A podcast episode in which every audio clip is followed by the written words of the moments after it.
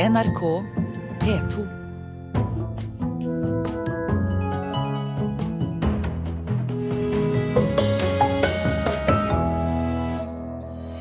Nasjonalmuseet ønsker at det skal være kunst i det gamle Nasjonalgalleriet, også etter at museet selv flytter til nytt hus. Kunstner vil la publikum være med å avgjøre innkjøp til museene, og får til svar at han er populistisk og lettvint. Sorg og glede. Filmen om en families tragedie er både følsom og solid, sier vår anmelder. Dette er blant sakene i eh, Kulturnytt her i Nyhetsmorgen i NRK, med Ugo Fermariello i studio. Nasjonalgalleriet bør brukes til kunst også i fremtiden. For første gang har Nasjonalmuseets ledelse sagt hva de mener bør skje med det gamle huset, når museet selv flytter til nytt hus på Vestbanetomten i Oslo. Nasjonalmuseet er også positiv til forslaget om et eget portrettgalleri i Nasjonalgalleriet. Her på den veggen hvor vi ser eh, bort her, så kunne man jo hatt et, eh, et stort, eh, monumentalt portrett i, i, gullramme som passer inn i den nisjen der, og samsvarer godt med bygningens historiske patina og verdighet. Direktør ved Nasjonalmuseet, Audun Eckhoff, fantaserer der han vandrer rundt i Nasjonalgalleriet i Oslo. Kanskje i de andre rommene som du ser her borte på siden, kunne man ha formidlingsrom. I år starter byggingen av det nye Nasjonalgalleriet på Vestbanen i Oslo, som skal åpne for publikum i 2019. I flere år har det vært en stor debatt om hva som skal skje med bygget som nå huser Nasjonalgalleriet, når museet flytter til det kommende nybygget. Nå har styret ved Nasjonalmuseet besluttet at de mener at bygget bør brukes til kunstformål. Uh, dette er jo et uh et råd eh, fra Nasjonalmuseets eh, styre. For det er jo klart at det er jo ikke Nasjonalmuseet som tar en slik beslutning. Det må staten og regjeringen gjøre. I tillegg er styret positive til et forslag som en uavhengig gruppe allerede har lagt frem for Kulturdepartementet, om at bygget bør brukes til å huse et portrettgalleri. Det kan sikkert finnes andre forslag, eh, men dette er vel det beste forslaget vi har hørt, som ivaretar hensynet til kunstformål. Tidligere direktør ved Nasjonalgalleriet, Anniken Thue, er nå en del av den uavhengige gruppen som har utarbeidet forslaget om å bruke bygget til å huse et portrettgalleri. Ja, du, vi er nå i begeistringens øyeblikk. Vi har en god idé til dette bygget. Eh, og så, hvis man, noen syns at dette er eh, interessant å gå videre med, så tror jeg nok at man kan gå videre og konkretisere. NRK har pratet med flere kulturpolitikere på Stortinget, og alle er positive til å bruke Nasjonalgalleriet til kunstformål. Blant dem FrPs kulturpolitiske talsmann Ib Thomsen. Så det syns jeg er eh, flott, for huset er jo bygd for det. Og at det skulle komme på andre hender som skulle bruke huset til noe helt annet, hadde vært tragisk. Eh, så, så det er jeg veldig glad for. Men et nytt museum i Nasjonalmuseets regi er ikke veien å gå, sier direktør ved Lillehammer kunstmuseum, Svein Olav Hoff. Jeg regner jo med det da blir en selvstendig institusjon. Han synes også utgangspunktet for ideen er litt rar. Jeg synes det er litt rart at man begynner med en bygning. og altså Virker det som man skal finne på noe å putte inn der. Da kan man jo ha et portrettgalleri. Man burde begynne med at man trenger et portrettgalleri i Norge, og så finne lokalitetene. Eckhoff selv vil ikke si noe om det er Nasjonalmuseet som eventuelt skal huse et slikt portrettgalleri, men håper beslutningen om hva som skal skje med bygget, skjer innen få år. Så jeg håper jo at i løpet av et år eller to at, at man kommer nærmere en, en beslutning. Audun Eckhoff, direktør ved Nasjonalmuseet, reporter Christian Ingebretsen. Kulturdepartementet skriver i en e-post til NRK at forslaget om et portrettgalleri i det gamle Nasjonalgalleriet er ett av en rekke spennende innspill, som de kaller det, som er lansert om den videre bruken av bygningen. Agnes Moxnes, kulturkommentator i NRK, hva synes du om ideen? Ideen om å lage et portrettgalleri er en ganske god idé. Den bygger jo helt opplagt på et forbilde i London, altså National Portrait Gallery som ligger der. Som er et av Londons mest populære gallerier, og som lager fine utstillinger. Dessuten så er det jo som Audun Eckhoff sier her, at tiden begynner å bli veldig knapp. Ideer om etterbruk må konkretiseres for om fem år så er det nye og store Nasjonalmuseet ferdig, og da tømmes altså de gamle og fine lokalene Nasjonalgalleriet helt. Hvilke hindringer kan det være på veien mot eh, at det blir kunst på en eller annen måte? Altså Når det gjelder Nasjonalgalleriet, så kan mye gå galt. Det er en bygning som er høyt elsket. Eh, det er også egentlig litt av problemet til bygget. Fordi at eh, det er så mye følelser som kommer opp, og det har kokt med jevne mellomrom rundt det galleriet. Og det kommer det antageligvis til å gjøre i spørsmålet om hva det skal brukes til også. Det er noen som mener veldig sterkt at eh, museet bør eh, huse eldre kunst, og at altså den gamle kunsten fra Nasjonalmuseet bør bli igjen på Nasjonalgalleriet. Eh, altså gullalderkunst type Brudeferden i Hardanger. Og at Edvard Munchs samling, som jo er en imponerende samling, bør forbli på Nasjonalgalleriet, fordi den ble montert i den tiden Edvard Munch selv levde. Og så er det noen som vil ha historisk museum der, andre vil at det gamle universitetet, som jo ligger vegg i vegg, skal bruke galleriet til lesesalsplasser. Og så er det dem som mener at det bør brukes til et skulpturmuseum. Men dess flere ideer som dukker opp, dess flere og forslag, dess flere departementer blir involvert, og dess lengre tid tar det å avgjøre etterbruks, eh, hva det skal brukes til etter hvert. Vi hørte i reportasjen at eh, museumsdirektøren fra Lillehammer mener at museet i hvert fall, uansett hva det blir, må holdes unna Nasjonalmuseet. Ja, Vi hører jo antydningen til en eh, maktkamp her. Vi vet jo at Nasjonalmuseet eh, for lengst er storebroren blant eh, norske museer. Nå skal det bygges et nytt museum til voldsomme fem milliarder kroner. Og Oslo skal jo da i løpet av fem-seks år få to nye museer. Både Nasjonalmuseet og det nye Munch-museet. Det spesielle her er jo at det ble vedtatt nytt museum, og så visste man ikke hva man skulle bruke denne signalbygningen til, som den jo er, selv om den er over 100 år gammel. Hvorfor har ikke Nasjonalmuseet sagt noe før, for tidligere har de aldri villet si hva det de flytter fra skulle brukes til? Det er to grunner til det. Det ene er at nå er finansieringen i orden. Nå skal de begynne å grave på den tomta der Nasjonalmuseet skal ligge, sånn at de er trygge på at eh, den prosessen fortsetter. Men det andre er jo at de nå at de nå sier at de syns at ideen om et portrettgalleri er, er, smart. og Dermed så sender de altså veldig klare og tydelige signaler inn eh, og sier at de vil ha med seg Skrik og de vil ha med seg Brudeferden i Hardanger når de skal til det nye Nasjonalmuseet i eh, sentrum av Oslo. Agnes Moxnes, kulturkommentator. Takk. Og om et kvarters tid her i Kulturnytt skal vi høre om hvordan nettopp portrettene forteller norsk historie gjennom de siste 200 årene.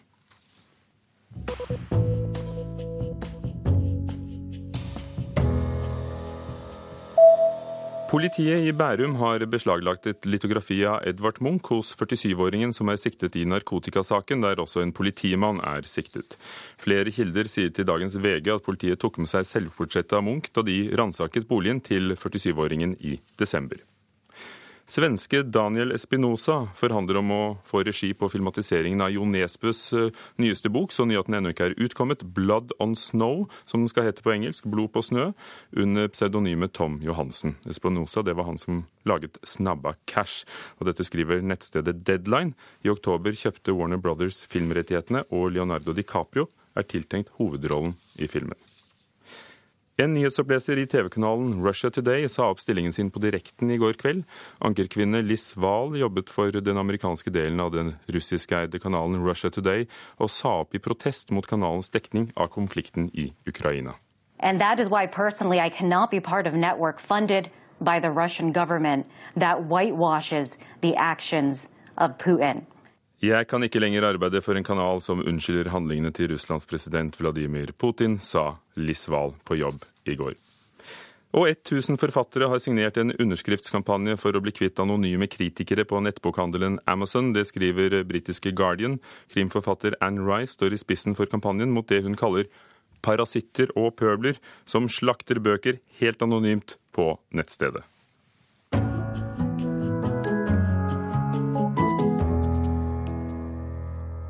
Kunstmuseene bør la publikum selv delta og bestemme hva de skal kjøpe inn av kunst. Det mener kunstner og kunstskolerektor Jon Øyvind Eggesbø, som lanserer ideen samtidig med en ny utstilling ved Stavanger kunstmuseum.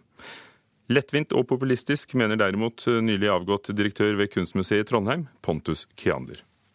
Det her er Linda Karin Larsen, som er nyutdanna fra Akademiet Oslo Kunstner Jon Øyvind Eggestø viser fram et av 83 verk fra lokale kunstnere i Rogaland. Han viser dem fram på Stavanger kunstmuseum som en samlet installasjon. Ingen av de er innkjøpt av Kunstmuseet. Så det her er et potensial for museet. Utstillingen er med i Museum Stavangers markering av grunnlovsjubileet, der kunstnere ser på samlingene med et maktkritisk blikk. Og, og min kongstanke er at det egentlig burde vært samla av Kunstmuseet. Eggesbø, som også er rektor ved Kunstskolen i Rogaland, vil få fram at museenes dårlige økonomi går ut over samlingene. F.eks. har Stavanger et budsjett på 12 millioner kroner i år, og bare 790 000 kroner til å kjøpe kunst for. NRK får opplyst at situasjonen er den samme i Bergen, Trondheim og Kristiansand. Ved å involvere publikum kan man både få litt ekstra penger og mye goodwill, mener Eggesbø. Så jeg tenkte, Hvorfor ikke la publikum gjøre det valget? Hvilken av de arbeidene her kan publikum se for seg blir en del av samlinga? Det er jo kontroversielt, men jeg ber publikum som har stemt, foreslår jeg at det donerer eh, en hundrelapp til innkjøp av lokal kunst. Men dette enkeltprosjektet er ikke nok. Kunstmuseene må tørre å involvere publikum også på generelt grunnlag framover, mener Eggesbø. Jeg tenker at de kan leke litt mer med det systemet de har. Det går an å spørre publikum oftere. Og så mener jeg at de skal presentere her har vi ti gode verk som vi har lyst til å kjøpe inn, og som burde vært en del av samlinga. Men vi har kun råd til ett av de. Hjelp oss med å bestemme hvilket det skal være, og hjelp oss med å bidra økonomisk, så vi kanskje kan kjøpe to i stedet for ett. Ja, den, eh, har, den, har, ikke jeg tenkt på, faktisk. Så den må jeg få lov å tenke litt på. Sier fungerende direktør ved Stavanger kunstmuseum, Vibeke Salte. Men den nylig avgåtte direktøren ved Trondheim kunstmuseum, Pontus Giander, er ikke nådig i sin dom over forslaget. Jeg syns det der prosjektet både dumt og litt billig. Det er en lettkjøpt poeng det der at slippe inn all kunsten på publikum bestemme. Det finnes så mange andre overveielser når man kjøper inn et bestemt verk. Og det handler ofte om å utvide museets samlinger i en bestemt riktning. Og alt det der kaster man faktisk i sjøen når man plutselig gjør det hele til, til noe som avgjøres gjennom en avstemning. Det, det, er et slags populisme i det hele. Man er redd for det populistiske. Men altså, jeg sier ikke i min installasjon at det skal enten være folket eller fagmakta. Jeg sier at ja, men la oss, la oss danse litt annerledes. Jeg, jeg tenker museer trenger å være mye mer dialog med sitt publikum tror jag inte alls på. Du har eh, ibland en väldigt högljudd opinion som re representerar ett relativt fåtal. Och det betyder att du plötsligt har de högljuddas eh, despoti. Senare har väldigt lite med rättvisa att göra. Utan det är ju faktiskt eh, samma ansvar som tränare har ett fotbollslag. Då har man liksom sagt att tränaren han får visst göra sitt jobb men det er til slutt folket som skal bestemme vem som kan stå på plan til slutt. Hvis du engasjerte deg, så tror jag du kunne hatt mye å si. Supporterklubben til, till, till Viking har jo makt. Jeg tror man vinner folks eh, engasjement. Før sommeren får vi vite hvilket verk som publikum i Stavanger har stemt fram. Om museet vil kjøpe verket, gjenstår å se, sier fungerende direktør Vibeke Salte. Det er i hvert fall en stor sjanse for det, mm, men vi får se. Nå får folket bestemme. Og det er et eller annet med å åpne opp øh, og stole på publikum også, og hjelpe folk inn. Reporter her, Anette Johansen Espeland. 16 over 8 Nyhetsmorgen i NRK overskriftene. Flere utenlandske ambassadører nekter å samarbeide om retur av asylsøkere. Årsaken er irritasjon over det norske barnevernet. Diplomater arbeider for å løse konflikten på Krim. EU innfører sanksjoner mot 18 ukrainere, blant dem tidligere president Viktor Janukovitsj og sønnen hans. Flere høyrestyrte kommuner vil overta ansvaret for videregående skoler. Og hva har skjedd i portrettkunsten mellom Karl Johan og dronning Sonja? Mer om dette senere i Kulturnytt. Sorg og glede er den åttende filmen av danske Nils Malmros som handler om han selv og sine egne. Dette er en type historie som ingen har vist oss før, sier vår kritiker Einar Gullvåg Staalesen. Sorg og glede. Det er sterkt at det er glede også i beretningen. Nils Malmros psykotiske kone tok kjøkkenkniven og skar halsen over på deres ni måneder gamle datter. 30 år etter har Nils Malmros laget en film om hendelsen, og om alle omstendighetene som ledet opp mot den tragedien.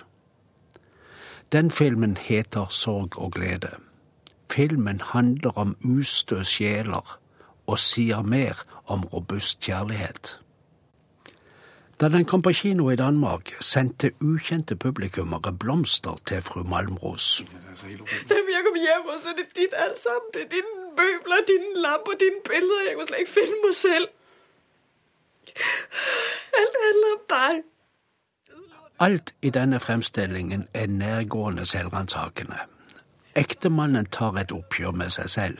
Han har vært styrende i forholdet. Han skulle ikke ha anbefalt henne å kaste pillene som holdt det maniske og depressive i sjakk. Hennes foreldre var ikke til stede da de burde ha vært der. Alle gransker det de gjorde og ikke gjorde. Filmen er saklig som en vitenskapelig analyse og detaljert som en presis logg.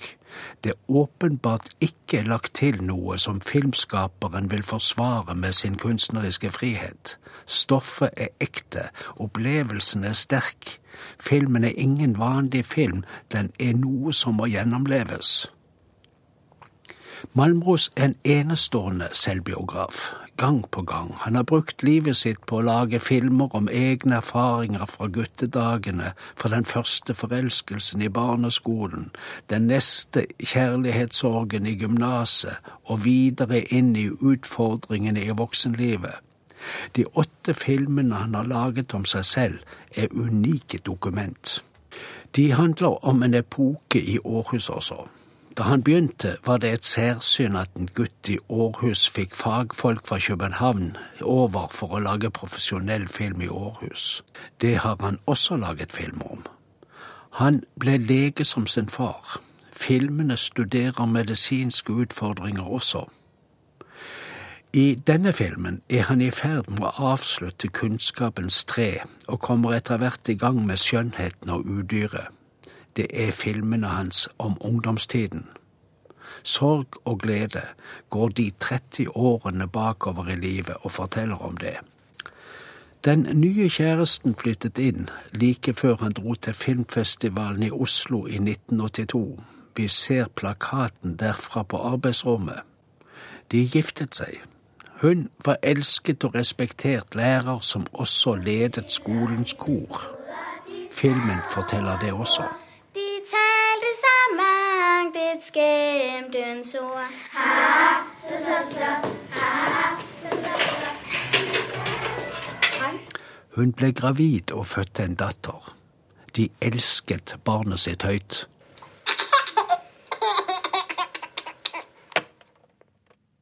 Einar Gullvåg Staalesen om sorg og glede.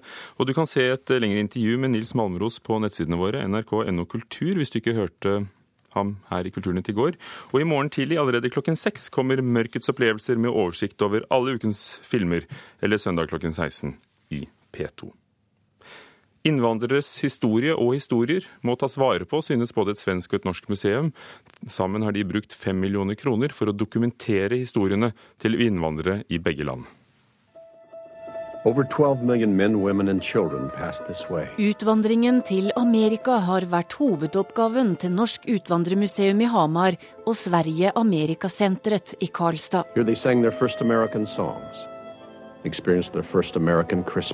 I mange år har de hjulpet norsk- og svensk-amerikanere å finne røttene sine. Nå vil de gi innvandrerne til landene våre den samme muligheten man vil søke, seg, søke sine røtter. Man vil vite hvor man kommer fra, og man vil vite hvordan det har gått til. Vi ser ingen anledning til at, at det skulle forandres, utan vi tror at det kommer å finnes et sånt behov i framtiden også. Det sier Mathias Nilsson ved Sverige Amerikasenteret i Karlstad. Hvis noen her i Europa skulle forstå, burde forstå innvandring, så er det vi her i Norge. For det fins ikke den, den bygda, det fins nesten ikke den familie i hele dette landet som ikke har en slektning som er utvandret sier Knut Djupedal, direktør ved Norsk utvandrermuseum. Våre utvandrere hadde sine tanker om det nye, ukjente Amerika. De stood in line together. Those who saw America as an adventure. Those who saw America as a beacon of hope. I dette svensk-norske samarbeidet får vi tankene våre innvandrere gjør seg om det ukjente Norge og Sverige. Hvordan har du det egentlig? Hvordan uh, lever du her? Hva kontakt har du med gamle landsmenn? Hvordan lærte du språket? Hva slags jobb har du fått? Hvordan har du fått jobben? Sånne ting. Spørsmålene er stilt til 500 mennesker som innvandra til Skandinavia på 2000-tallet. Fra 50 ulike nasjoner. Noen søkte endring i livsstil, noen fulgte kjærligheten, andre flyktet fra forfølgelse.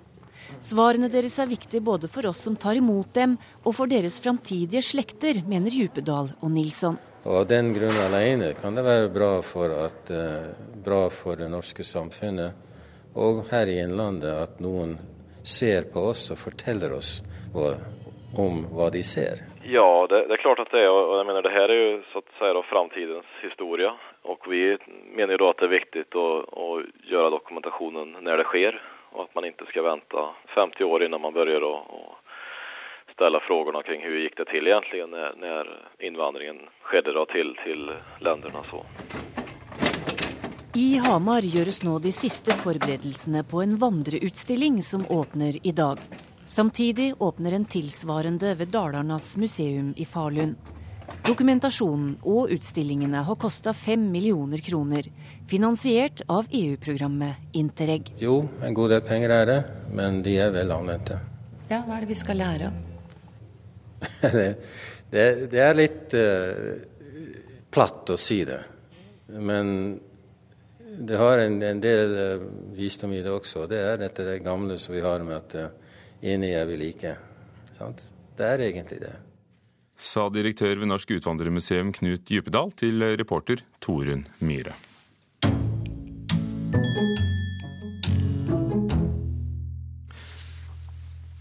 Vi åpnet med nyheten om at Nasjonalmuseet går inn for kunst, gjerne et portrettgalleri i det gamle Nasjonalgalleriet når de flytter. Og Jannike Ugelstad, kunsthistoriker, du har samlet portretter fra de siste 200 årene i boken 'Portretter 1814 2014', som kommer nå. Hvorfor trenger vi et eget portrettgalleri? Jeg tror ikke vi trenger det, men jeg tror det er en veldig god idé. Eh, og det er en idé som har versert i 150 år. Har man jo forsøkt å få til et nasjonalt portrettgalleri i Norge. Eh, det første galleriet ble etablert på Eidsvoll i 1840-årene. Og vi har jo et flott portrettgalleri allerede i Stortinget i Oslo, da. Eh, og vi har mange mindre gallerier rundt omkring i hele landet. Og å samle noe av dette vil være en fantastisk eh, opplevelse å få i om du skal være i hovedstaden, eller om det skal være andre steder. Men gjerne Men, Nasjonalgalleriet, mener du, for du er med i den gruppen ja, vi hørte? Ja, jeg mener Først så mener jeg at vi trenger, eller i hvert fall vil ha en stor glede av, å ha et portrettgalleri som de har i mange andre land. Og så er det slik at når nå Nasjonalgalleriet skal tømmes, så er det selvfølgelig en kjempegod idé å fylle det med eh, portretter. Det er det. Du har samlet eh, et utvalg portretter fra eh, Grunnloven kom i 1814 til i dag. Hva skjedde i 1814 med portrettsjangeren i Norge? Eh, det som skjedde da, var at Norge fikk en ny politisk elite, en embetsstand.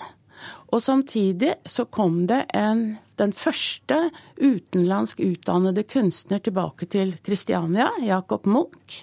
Han hadde vært i Paris og Roma og lært seg dette å male portretter. Og han møtte da embetsstanden, det var et veldig heldig sammentreff, eh, og malte en mengde portretter, slik at vi kan lese vår historie rundt 1814 gjennom disse portrettene. Hvilket bilde gir den av de 200 årene? Eh, den portrettkunsten vi har, og, og som du har uh, utvalget av her? Eh, altså Min inngang er jo å fortelle hvordan portretter forteller vår historie. Og eh, da kan vi lese vår historie gjennom hvilke yrkesgrupper som blir portrettert, og selvfølgelig veldig mye hvordan de ser ut, hvordan de er kledd, hvordan de poserer, alle disse tingene.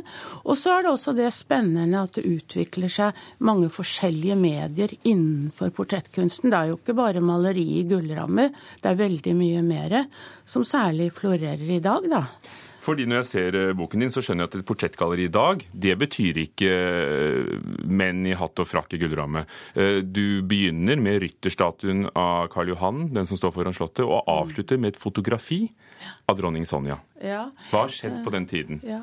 Nei, altså Bare presisere at det er veldig riktig det du sier, at det er mange ulike medier som vil kunne presenteres i et sånt galleri. Eh, det som har skjedd i de 200 årene, hvis vi skal se akkurat på de to spesielle portrettene, så er jo det av Karl Johan det er jo laget postumt etter ja, er det ca. 50 år etter at han døde. Um, hvor han er på en pidestall opphøyet med alle sine rekvisitter. Alt det som skulle omgi et slikt portrett.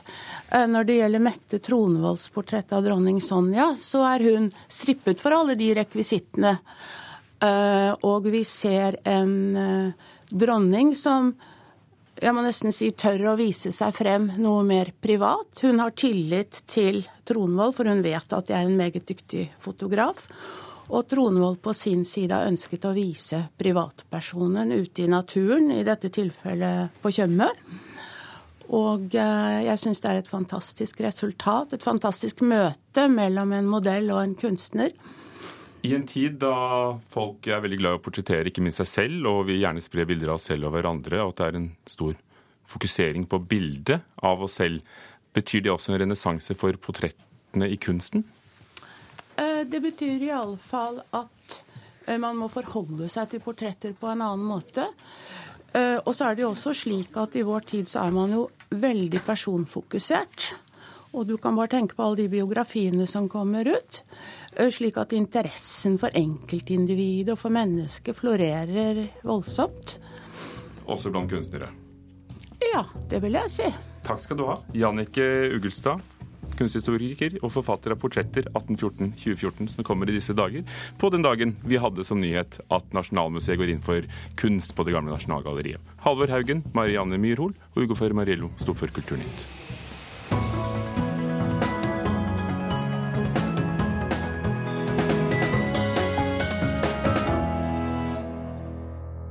Hør flere podkaster på nrk.no podkast.